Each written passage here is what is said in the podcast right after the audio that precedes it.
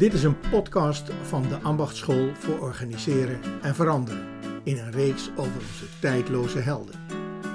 We kijken hierin door hun ogen en door die van ons naar hedendaagse vraagstukken in ons ambacht.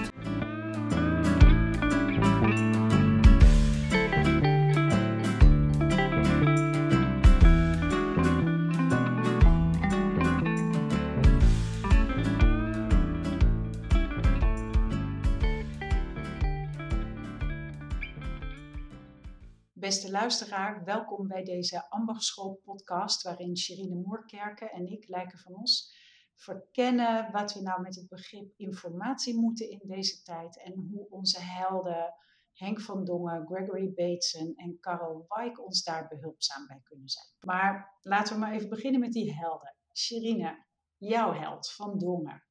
Hoe kijkt die naar informatie? Um, ik, ik denk dat hij informatie eigenlijk niet als zo'n vaststaand, abstract gegeven beschouwt, maar dat hij eigenlijk. Uh, uh, niet, hij, hij, zegt altijd: ik zoek naar, niet naar waarheden, maar naar mogelijkheden. Dus informatie krijgt daarin dan ook dus een hele andere betekenis. In plaats van dat je ja, dus zoekt naar informatie die bevestigt of iets waar is, ga je dus op zoek naar informatie over hoe verschillende werkelijkheden en dus verschillende mogelijkheden in interactie worden geproduceerd.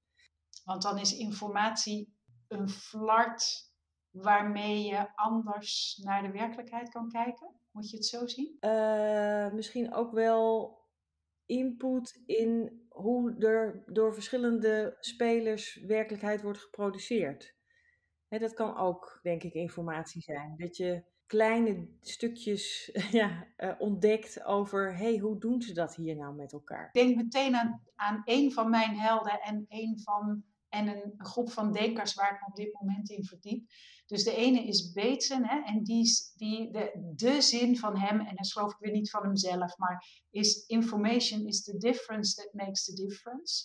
Dus hij zegt iets is pas informatie als het ware, um, als het als het ware de, uh, een drempel overgaat waarmee wij verschil gaan zien. En tot die tijd geef je er geen betekenis aan.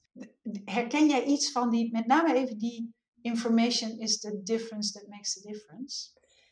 Ja, het, leuke is dat uh, Henk van Dongen kijkt vooral naar verschil. Hè? Dus hij, hij, hij zoekt niet naar waar mensen het eens zijn. Hij zoekt naar, hé, hey, wat wordt hier nog niet gezegd? Of wat zou hier nog anders gezegd kunnen worden? Of uh, welke speler zit hier niet aan tafel?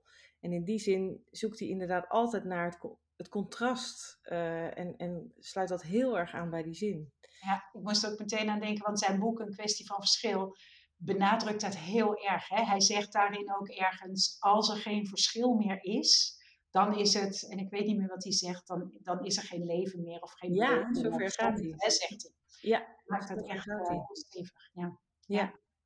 Ja. En ik moet zeggen, dat, dat herken ik wel. Uh, in de zin dat uh, wij, wij zijn natuurlijk allemaal verschillend. Uh, dus, dus op het moment dat we dat niet meer zouden zijn, stel dat jij en ik precies hetzelfde zouden zijn, uh, ja, dan valt er ook niet zoveel meer uit te wisselen.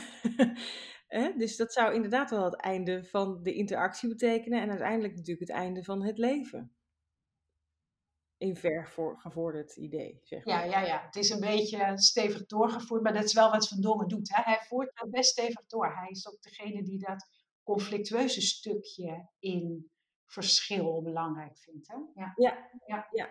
ja, en dat is vanuit informatieperspectief vind ik ook een interessante. Omdat je dus uh, vanuit het conflictueuze zoek je dus altijd weer naar uh, welke speler heeft nog andere informatie. Hè? Of of zegt hier nog iets anders over? Of heeft er ook nog anders naar gekeken? Uh, dus, dus ja, dat is eigenlijk wat natuurlijk onderzoeksjournalisten ook doen. Dat ze steeds weer nieuwe informatie zoeken en andere invalshoeken. Eh, maar wat onderzoeksjournalisten ook vaak doen, is verifiëren of dat wat zij zeggen waar is. En da dat zit bij Henk van Dongen, is dat dus ja, eigenlijk irrelevant of iets waar is. Hè? Want, Want ja, waar bestaat zoiets als waar. Nee, nee, het bestaat niet. Waar bestaat niet.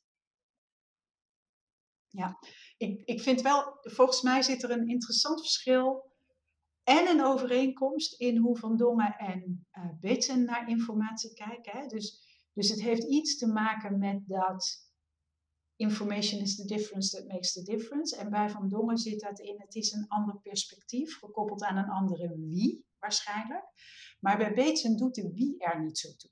Dus Bateson kijkt denk ik meer, information is the difference that makes the difference, in hoe zien wij de werkelijkheid. En niet wie ziet welke werkelijkheid, maar hoe zien wij de werkelijkheid. En we zien alleen verschil.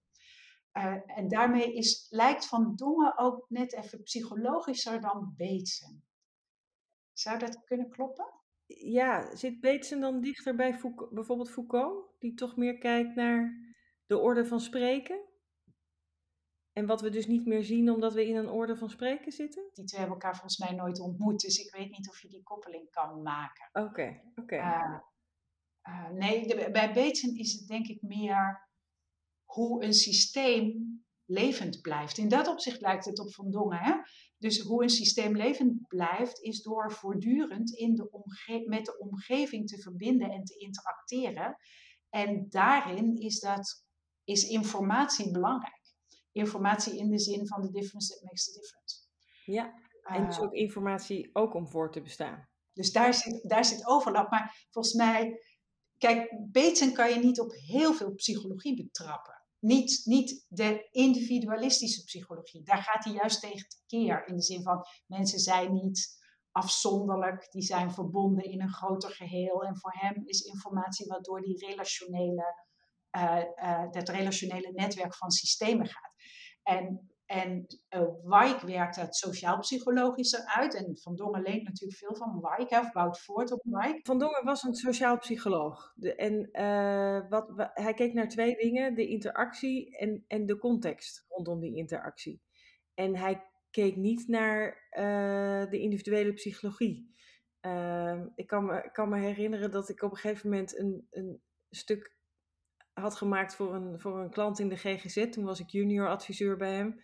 En toen uh, zei hij tegen mij, Sherine, dit is een fantastisch stuk, maar dit, is niet, dit gaat niet over mijn vakgebied.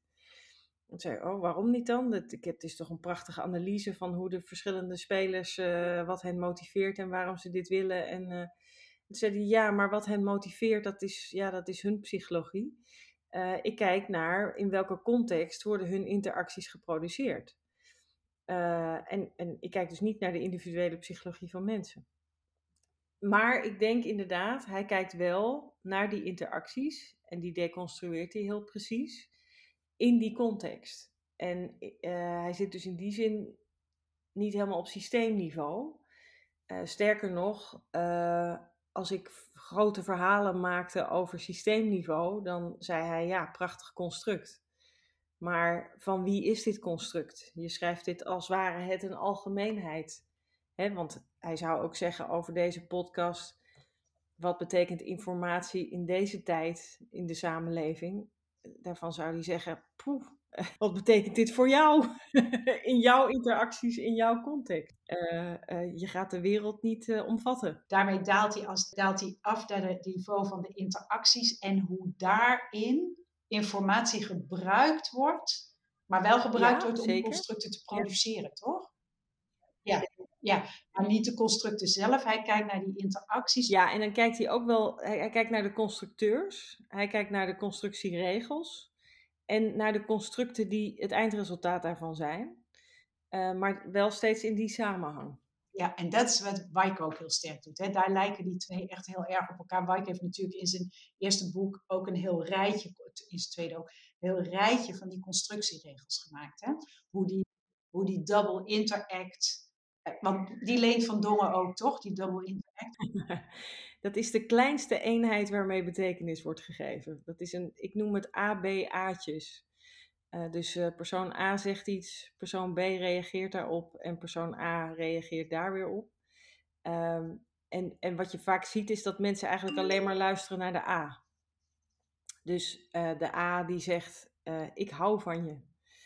En dan denken ze alles te weten. Um, maar B kan natuurlijk zeggen, ik ook van jou. Maar B kan ook zeggen, wil je nog koffie? Of, uh, nou, uh, maar ik hou ook van zoveel andere mensen. En dan is het weer afhankelijk van hoe A dan weer reageert op die reactie. Uh, geintje, of nou, zullen we trouwen dan? afhankelijk van die A, B, A ontstaat er betekenis. En met de A alleen weet je het dus nog niet. Je weet het pas als B weer heeft gereageerd en A weer heeft gereageerd. En die kleine bouwsteen die noemt Wijk Double Interact. Ja, en Wijk zegt ook, het is de kleinste bouwsteen omdat alleen in interactie betekenis ontstaat. het is tussen mensen dat betekenis ontstaat. En daarmee is betekenis ook wel iets anders dan informatie. Dat is op zich ook nog wel weer interessant om. Uh, dus, dus als je. Ik, ik noemde net die procesdenkers. Weet ik nu echt nog veel te weinig van hoor. Ben ik nu volop in aan het lezen. Dus ik, uh, dit, is, dit is gevaarlijk in een podcast. Maar die draaien als het ware. Um, die, die, en die verwijzen ook vaak naar Wijk. Die noemen Wijk ook wel een procesdenker. Daarom noem ik ze, want het is op zich heel interessant maar heel fundamentele procesdenkers die zeggen, kijk, de, het enige wat de werkelijkheid is, is voortdurende beweging. Elke vorm van vastzetten in tijd en plaats is een tijdelijk vastzetten in tijd en plaats. Hoe vast het ook zit, het is, het is altijd, zij noemen dat becoming, hè, het is ook altijd weer in beweging. Um, waarom zit ik dit eigenlijk te vertellen? Mij vertelde je dat informatie dus iets anders is dan betekenis. En daar ontstaat die volgens mij. Want uh, inderdaad, uh, ik, ik, sprak laatst met Alexander Maas. Hè, die heeft veel samengewerkt met Henk van Dongen. En die uh, had commentaar op een stuk tekst wat ik had geschreven. Want die zei, het gaat niet over relational being, het gaat over relational becoming, inderdaad. Dus precies in dit denken uh, het is niet, het beweegt steeds. Dus ook nu wij zijn nu informatie met elkaar aan het uitwisselen. En dus ontwikkelt ons, onze betekenisgeving. Wij komen er anders uit uit deze podcast dan dat we erin gingen. Ja, ja en interessant daar is dat we, verplaatsen informatie, maar in dat kleinste eenheidje, die double interact, wordt die tussen ons van betekenis voorzien. Maar alleen tussen ons. Pas als de luisteraar weer interacteert met onze podcast, wordt die weer op een andere manier van betekenis voorzien. En daarmee blijft wat je maakt, of de informatie die je verplaatst, blijft steeds mogelijkheden houden tot beweging en verandering? Of heeft die mogelijkheden? Nou ja, en ik weet niet hoe dat bij jou is, maar ik denk dat wij vaak interveneren in organisaties in dit soort betekenisgevingsprocessen, omdat mensen iets hebben vastgezet wat ze niet meer, niet meer anders kunnen zien. Ehm, maar, maar heb jij nou het gevoel dat dat in de tijd veranderd is? Als het gaat dus om betekenisgeving en informatie? Is dat, was dat twintig jaar geleden een andere klus dan nu? Nee, dat denk ik niet. Maar twintig jaar geleden was wel een andere context dan nu. Um, dus ik denk nog steeds dat interactie, die interactie en hoe mensen betekenis geven en ook hoe ze het vastzetten en hoe ze ook echt, dan kun je het nog wel becoming noemen, maar dat is eigenlijk geen becoming meer. Hè? Dat, kun je echt niet zeggen soms. Dan, weet je, dan zitten ze echt heel vast. Dat is volgens mij hetzelfde gebleven. Maar twintig jaar geleden was wel echt een andere context. Dus um, uh, hoe social media, dus ik werk best wel veel jij ook in de publieke sector. En hoe in die interactie ook social media en wat daar kan gebeuren en hoe je je daartoe moet verhouden. Als het ware als een psychologisch construct meeloopt in die interactie. Dat is wel echt anders. Nou ja, in die zin, als je dit zo zegt, dan denk ik, oh ja, ik denk dat ik twintig jaar geleden misschien minder verleid werd om naar die grote verhalen toe te gaan. Omdat, omdat de interactie ook meer in het hier en nu plaatsvond. En nu loopt er nog een hele stroom mee, inderdaad, die sociale media. Dat is, dat is er eentje. En ik bedenk nog een andere, want wat volgens mij ook echt anders is dan twintig jaar geleden, is dat um, is een soort vervorming van dat sociaal construeren als ieder heeft zijn eigen werkelijkheid en als ik het zo zie, dan is het zo. Um, want en, en, en daar een soort hardheid in ontwikkelen. daarmee is elke, elk feit is ook maar een mening en elke mening wordt een feit. Dat is in, zeker als de boel vastgelopen is, best ingewikkeld, vind ik. En, en twintig jaar geleden denk ik dat het wat makkelijker was om daar met elkaar de nuance in te vinden. En mensen hebben een soort jargon overgenomen uit het sociaal construeren, wat niet altijd over sociaal construeren en die double interact gaat. Maar gaat over, ik wil nou eenmaal vasthouden aan mijn eigen mening. Dat vind ik ook ja, plus, plus dat misschien, nou dat, dat is al langer dan twintig jaar geleden. dat, dat mensen uh, uh, in bepaalde kleinere bubbels zaten, contexten zaten, zuilen zaten. Waar ze ook gewoon luisterden naar, naar de voorgangers in die zuilen, zeg maar. Maar dat was twintig jaar geleden ook door sociaal construeren al in verandering. Want dat was natuurlijk van sociaal construeren en van het hele postmodernisme, dat die aan dat soort bubbels gingen schudden.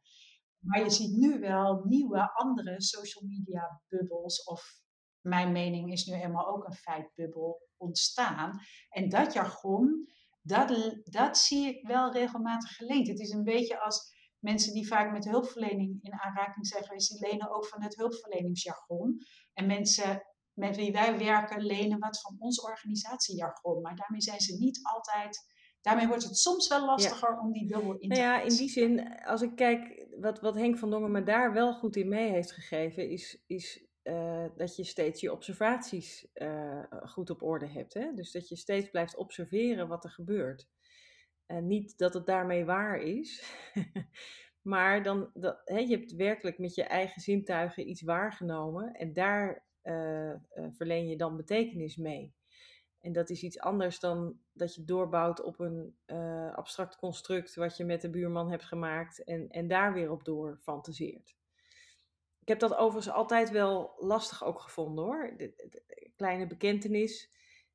Ik, ik moest van mijn vader thuis altijd de krant lezen, hè, want dan was je een beetje up-to-date van de actualiteiten. En omdat, die, omdat ik dat zo ontzettend moest, deed ik het niet. Hè? Vond ik dat echt helemaal niks. Hè? Die, die, vies papier, dat, ging aan je vingers zitten. En ik, ik dacht, ik, wil, ik wil die krant helemaal niet lezen. Dus ik heb het heel lang volgehouden om die krant niet te lezen. En op een gegeven moment ging ik hem natuurlijk wel gewoon lezen, want toen hoefde ik me niet meer af te zetten tegen mijn vader. En uh, nou ja, toen merkte ik dat ik het best lastig vond om het te lezen, omdat er vaak geen observaties in stonden. En dat ik dan me niet echt kon voorstellen wat er nou eigenlijk gebeurd was. Uh, maar dat er in abstracties over de gebeurtenis gesproken werd. En dan, toen moest mijn, mijn. Ik had toen een vriendje die, die dat heel goed kon uitleggen en in context kon plaatsen. En dat, maar dat had ik ook echt nodig.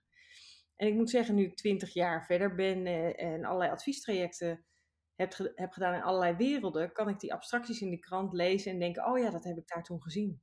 Oh ja, dat heb ik daar toen meegemaakt.